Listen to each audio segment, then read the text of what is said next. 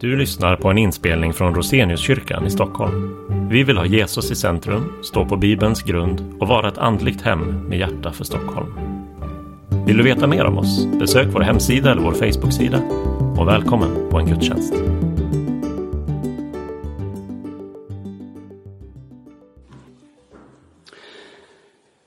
Nåd vare med er och frid ifrån Gud vår Fader och Herren Jesus Kristus. Låt oss lyssna till dagens heliga evangelium. Och vi ska läsa från Lukas kapitel 3, vers 1-15, där orden lyder så i Jesu namn. I kejsar Tiberius femtonde regeringsår när Pontius Pilatus var ståthållare i Judeen, Herodes landsförst i Galileen, hans bror Filippus i Itureen och Trakonitislandet och Lys Lysanias i Abilene. Och när Hannas och Kaifas var överstepräster, då kom Guds ord till Sakarias son Johannes i öknen. Han gick ut i hela området runt Jordan och förkunnade omvändelsens dop till syndernas förlåtelse som det står skrivet i boken med profeten Jesajas ord. En röst ropar i öknen, bana väg för Herren, gör stigarna raka för honom.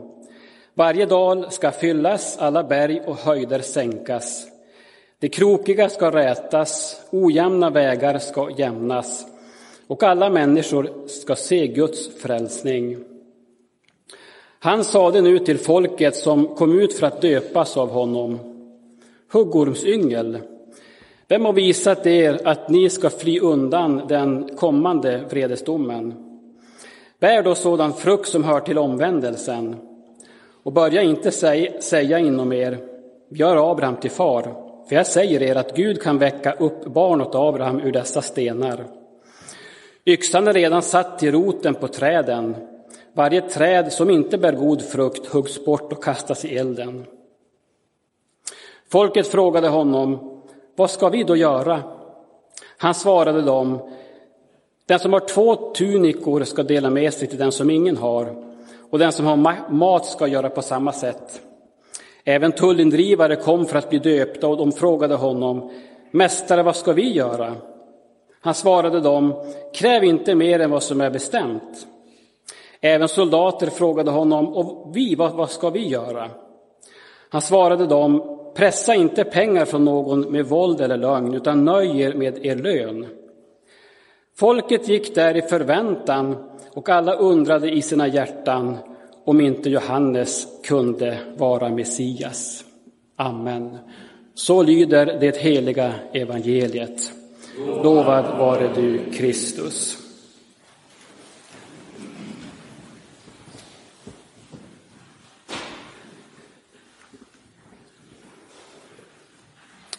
Vi ska bli stilla i bön igen inför predikan här. Herre vår Gud, vi ber i Jesu namn. Herre vår Gud, himmelske Fader, du som har utvalt den helige Johannes döparen att röja väg för din son, vi ber dig nu. Hjälp oss att lyssna till rösten som förkunnar din sons ankomst. Låt ditt ord jämna misströstans djup och bryta ner otrons motstånd i våra hjärtan. Verka genom din heliga Ande omvändelse och tro som tar emot frälsningens gåva. Vår Herre Jesus Kristus till syndernas förlåtelse, liv och salighet. Amen. Först vill jag tacka för inbjudan att få komma hit till er i Roseniuskyrkan. Jag är här med min kära fru Ann-Charlotte och vår yngsta dotter Ella. Våra tre övriga barn är hemma i Vännäs och Umeå just nu.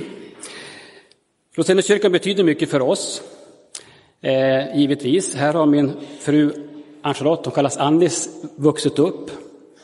Och här har också mina svärföräldrar haft som sitt andliga hem över 50 år, Ingrid och Sivert. Och de är inte bland oss nu. Och det är en lättnad att komma till Stockholm på ett vis men samtidigt tacksamhet.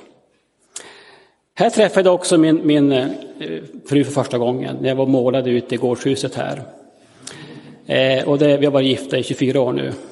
Tack Roseliuskyrkan. Eh.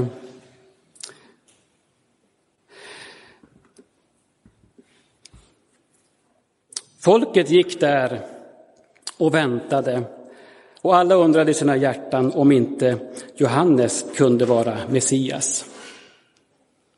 Det var många som funderade vem Johannes egentligen var. Och Johannes svar var alltid tydligt och klart. Bibelns svarar väldigt tydligt. Nej, Johannes döparen var inte Messias, det vill säga den utlovade frälsaren som skulle komma. Johannes förbereder vägen för Messias.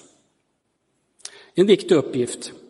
Johannes döparen var nära Jesus i tid.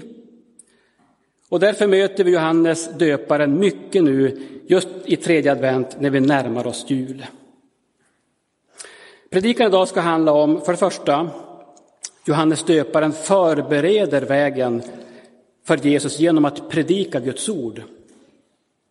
Och för det andra, Johannes döparen förbereder vägen för Jesus genom sitt liv. Hans liv vittnade om Jesus. Och till sist så ska, vi, så, så ska episteltexten få visa oss hur detta kan få betydelse också i ditt och i mitt liv.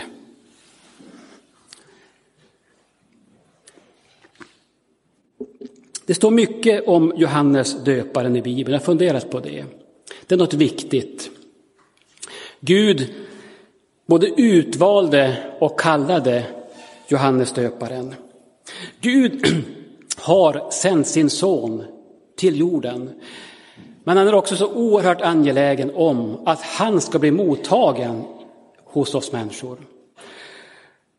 Och det kan vi bara göra på ett sätt, vänner. Genom Guds ord, genom de heliga sakramenten som också man brukar kalla ett synligt ord. Men det är så oerhört angeläget för Gud att vi ska ta emot hans son Jesus Kristus till vår personliga och unika frälsare. Johannes har ett viktigt uppdrag. Det är en viktig stund när vi samlas för att höra Guds ord. En ängel kom till Sakarias, Johannes far, och sa att han ska bli stor inför Herren. Redan i moderlivet ska han bli uppfylld av den helige Ande och många av Israels barn ska han omvända till Herren. Redan i moderlivet. Här ringer det klockor på något vis att profeterna, profeten Jeremia till exempel, han blev också kallad redan i moderlivet.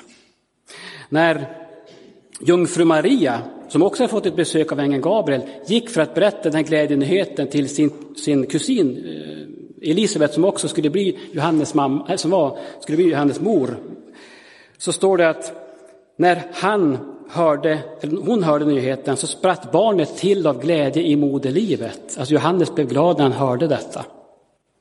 I, i Maria, i eh, Elisabets moderliv. Och så gav Herren en signal när han skulle träda fram. Det står faktiskt det också, det står väldigt mycket i, Lukas, i början av Lukas evangelium. Det står att Barnet växte upp, alltså Johannes, blev starkare i anden och han vistades i öde trakter fram till den dag då han skulle träda fram för Israel. Han väntade in den tidpunkten. Gud gav en signal, nu är det dags Johannes. Och så möter vi en sån exakt tidsangivelse i evangeliet idag.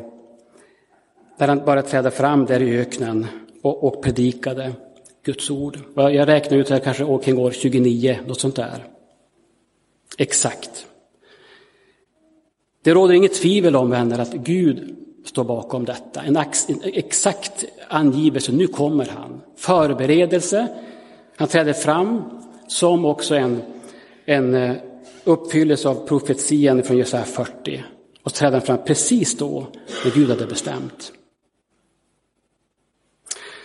Så predikar Johannes strängt budskap. Han lindar inte in det. Han var övertygad om att när Messias kommer så kommer också domen. Ni huggormars barn, ni huggorms yngel. Det vill säga, ni den gamle ormens barn. Ni är djävulens barn. Era liv visar att ni inte känner Gud. Om ni inte omvänder er så slutar det illa. Att vara släkt med Abraham hjälper er ingenting. Tiden är kort.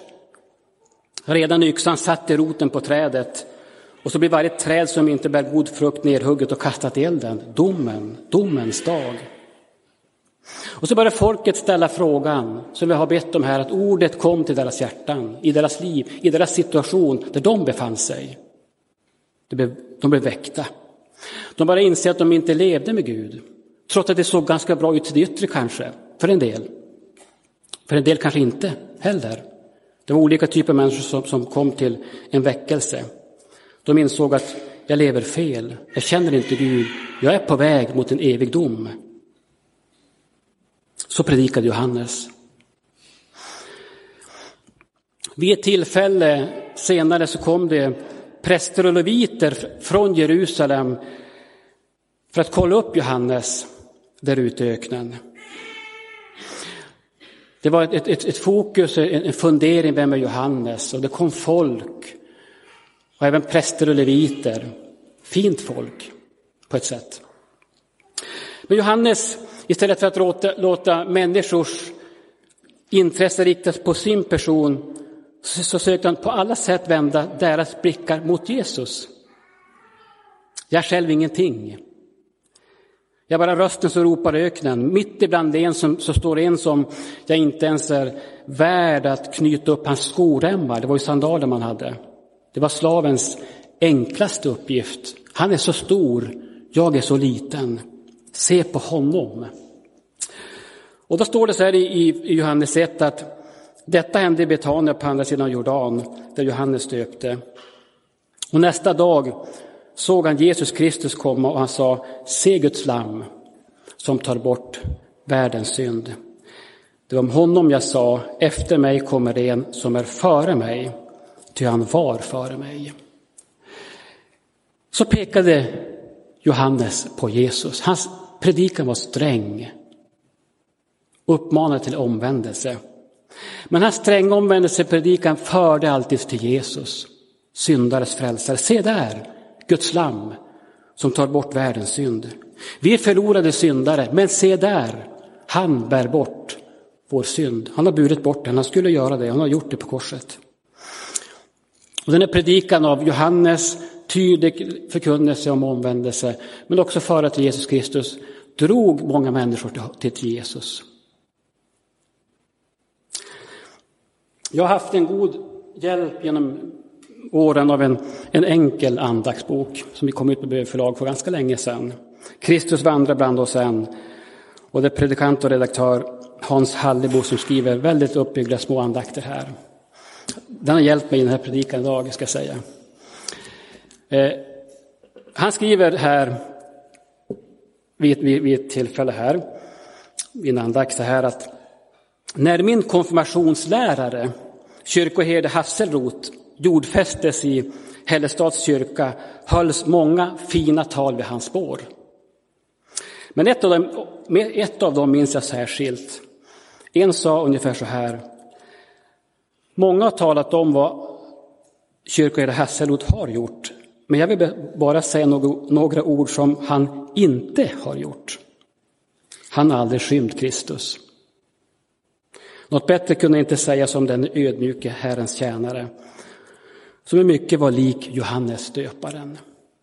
Så står han där Johannes, både med sitt, med sitt ord, med sitt ordet från Gud och predikar, men han vill föra det till Jesus. Bort från, från sig själv till honom som har burit världens synd. Och det ser vi också i Johannes liv, på ett mycket tydligt och chockerande sätt. Det var väckelse. Det var många som, som kom ut till Johannes och blev döpta. Men så började det glesna omkring Johannes. Och då, det såg hans lärjungar och de började bli oroliga. Johannes hade alltså egna lärjungar, liksom Jesus hade lärjungar. Och så började de tänka, det såg ju så lovande ut. Nu, nu, nu, nu tunnas det ut. Nu går alla folk till Jesus. Vad ska det bli av oss? Vad händer med oss nu? Och då är Johannes lika tydlig och klar. Jag är inte Messias. Jag sänd framför honom. Brudgummen är den som har bruden. Men brudgummens vän som står där och hör honom gläder sig innerligt över brudgummens röst. Den glädjen har jag nu helt och fullt.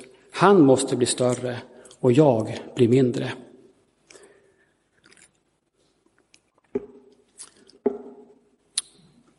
Och så var det, och så blev det.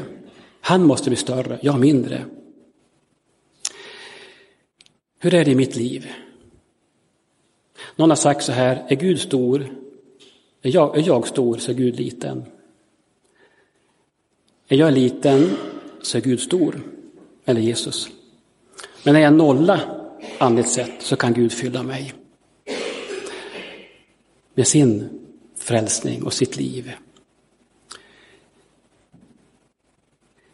Johannes blev satt i fängelse. Han kände ju personligen landsfursten Herodes och han tillrättavisade honom för att han levde med sin brors hustru.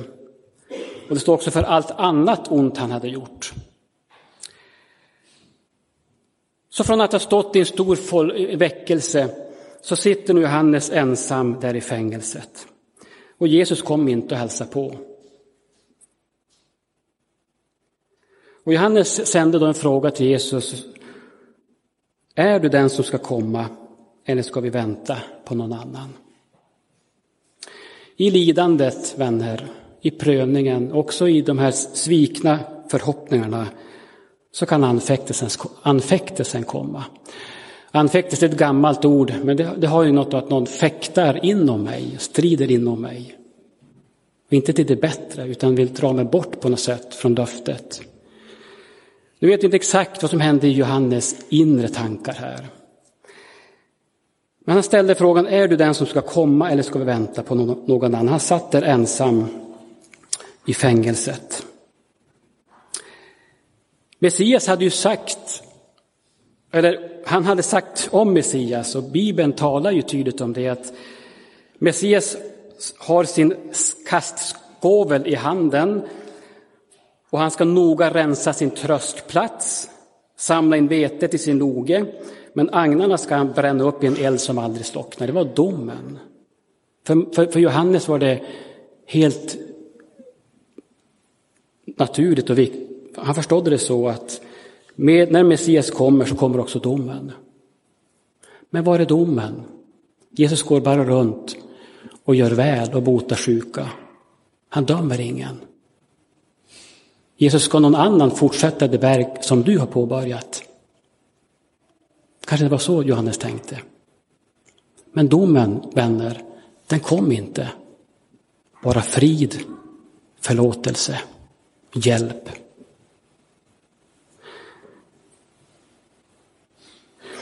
Och Gamla testamentet talar om att när Herren kommer så skall han både frälsa och döma. Och kanske det var på något vis så här att, att liksom när vi står och ser framåt, två föremål som är långt ifrån varandra, så kan de flyta ihop till en enda punkt. Om vi till exempel sitter i en bil och tittar på en framåt, eller på två träd, det kan liksom flyta ihop till en enda punkt. Men i själva verket är det två olika händelser. Jesu första advent. Han kommer med frid, fred, förlåtelse. Han kommer inte som en domare. Men i sin andra advent, i sin andra tillkommelse, då kommer han som frälsare och domare. Som frälsare han nu det bjuder, som domare han kallar sist.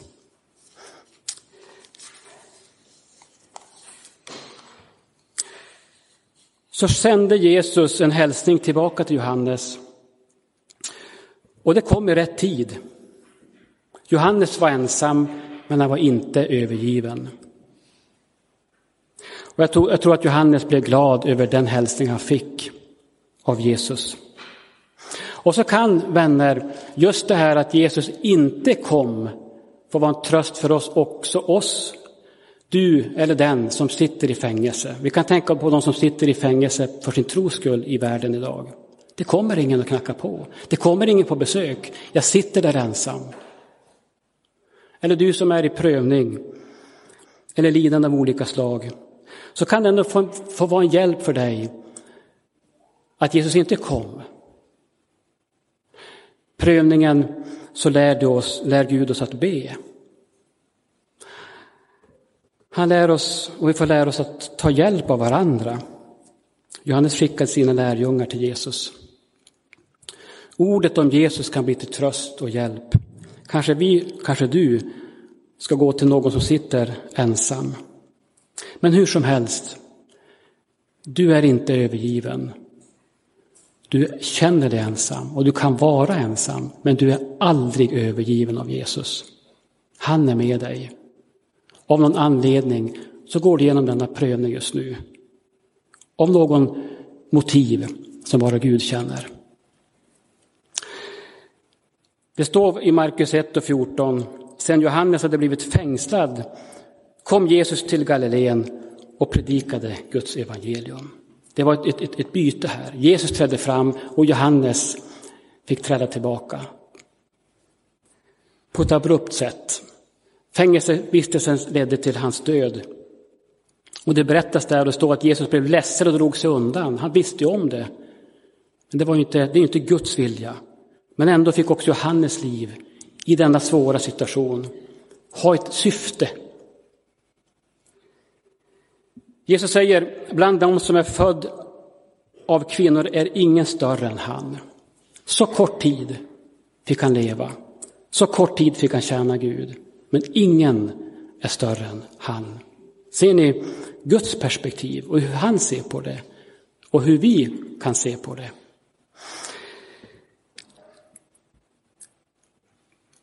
Johannes var stor på det sättet en profet som kunde stå så nära Jesus i tid och peka se Guds lamm. I detta var han oerhört stor. Men också i det här att Johannes ställdes åt sidan så helt och hållet för Jesus. Lidandet, prövningen, får ett perspektiv när det får vara i Guds hand. Liksom det var för jobb. Det ser vi här av Johannes. Han ställdes åt sidan. Jesus trädde fram. Och här kommer vi in till, för att sluta dagens predikan på något viktigt också. Hur det här kan få betydelse för dig och för mig. I episteltexten idag så finns det ett svar. Och det talar Paulus i Galaterbrevet om förhållandet mellan lagen och löftet. Och det var, en, det var hela tiden en, ett uppdrag som Paulus hade, att förkunna evangelium och motivera detta utifrån hela Bibeln. Han säger att löftet kom ju före lagen. Då kan inte lagen sätta löftet ur kraft. Abraham fick ta emot löftet om Jesus egentligen, lagen kom ju 400 år senare. Och då kan vi tänka på just de här orden, efter mig kommer en som är före mig, ty han var före mig. Det vill säga, liksom Johannes förbereder vägen som Jesus sen fullbordar, så vill lagen förbereda vägen för oss som evangelium fullbordar, tron fullbordar. Jag vill bara läsa några verser här, jag ska strax sluta, men från Galaterbrevet. Och få tänka dig i perspektivet Johannes och Jesus, lagen och tron.